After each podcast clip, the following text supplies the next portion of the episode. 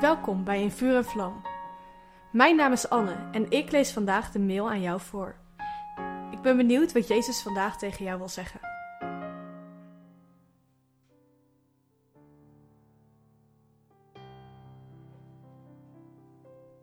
Ik hoor het elke zondag in onze kerk. Want met de zegen krijgen we nog de genade en de vrede van God onze Vader en zijn Zoon Jezus Christus mee.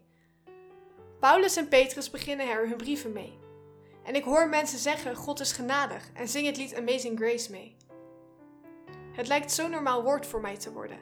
Maar God vindt het blijkbaar zo belangrijk dat het woord nu nog steeds elke zondag en elke dag gebruikt wordt. En hij het veel zegt in de Bijbel. Wat betekent het? En wat betekent het voor mij? Ik ben op onderzoek uitgegaan omdat ik zo'n verlangen had om dit woord beter te begrijpen.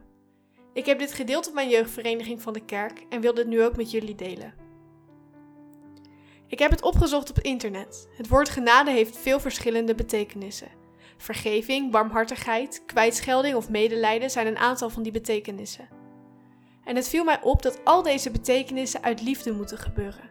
Vergeving doe je uit liefde voor iemand anders. Je vergeeft een persoon puur uit liefde.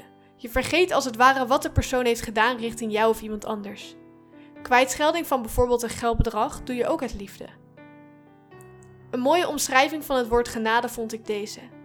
Een situatie waarin God of iemand anders je je verdiende straf niet geeft. Je verdient straf voor wat je hebt gedaan. Je verdient dit om het geld gewoon te betalen of dat je je hele leven moet horen wat je iemand anders hebt aangedaan. Maar wanneer je om genade vraagt aan God of aan iemand anders en je krijgt genade, wordt het allemaal weggeveegd. Wat een bijzonder woord is genade. En wat onlogisch. Waarom zou iemand dat doen? Zomaar jouw schuld van de tafel wegschuiven. Alleen omdat je om genade vraagt? Ik vond een mooi verhaal in de Bijbel waarin Jezus het woord genade handen en voeten geeft. Later komt er een nog mooier verhaal, maar dit was in de praktijk een heel mooi voorbeeld. Je vindt het verhaal in Johannes 8, vers 1 tot 11. De vrouw in dit verhaal had een schuld. Ze was betrapt op overspel. Ze lag met een andere man in bed. De fariseeën en de schriftgeleerden hebben haar hierop betrapt.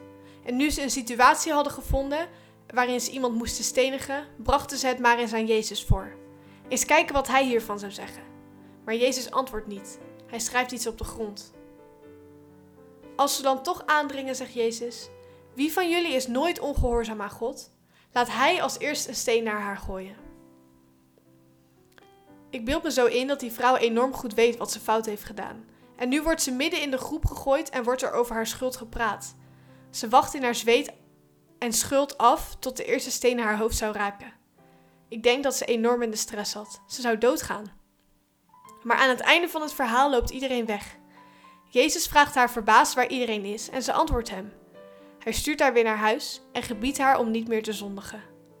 Wat een genade. Wat een medelijden, liefde en vergeving.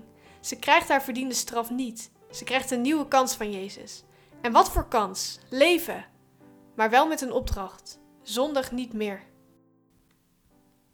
Een ander verhaal in de Bijbel is echt een van mijn favorieten.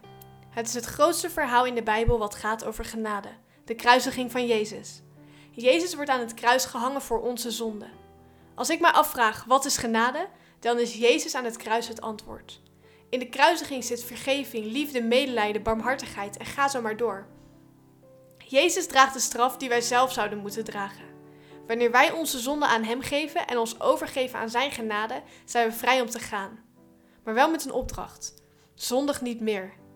Jezus heeft één verlangen: dat iedereen zich overgeeft aan de genade van God en dat iedereen bij God zal horen. Dit wordt mooi omschreven in Hebreeën 2, vers 9 tot 11. In de basisbijbel staat: God houdt van ons en daarom heeft Hij Jezus gestuurd. En in de herziene statenvertaling staat: omdat Hij, Jezus, door de genade van God voor allen de dood zou proeven. Door God zijn keuze om genade te geven en Jezus te laten sterven, mogen wij bij God horen. Genade is er omdat God van ons houdt. Hij wil niets liever dan dat wij bij Hem horen. Ik vond een mooie slotzin in opwekking 688. Genade zo groot, de schuld die ik voor Hem leg, was Hij geduldig weg. Zijn bloed reinigt mij. God is geduldig. Door Jezus zijn bloed zijn wij schoon van zonde in Zijn ogen. Wij zijn dan rein en krijgen een nieuwe kans. We hebben schone kleren aan. waar geen sporen op zitten van wat we ooit hebben gedaan in ons leven. Nogmaals, wat een bijzonder woord is genade. Als de dominee zijn zegen uitspreekt, weet ik wat ik ontvang en ik zal het met een open hart ontvangen. Genade en vrede van God onze Vader en zijn Zoon Jezus Christus zijn met u, alle dagen, tot aan de voltooiing van de wereld. Amen.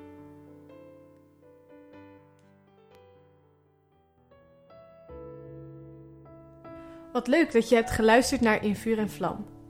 Heeft de tekst je geholpen om God beter te leren kennen? Deel In Vuur en Vlam dan met je vrienden. Meld ze aan op streef.nl slash in vuur en vlam.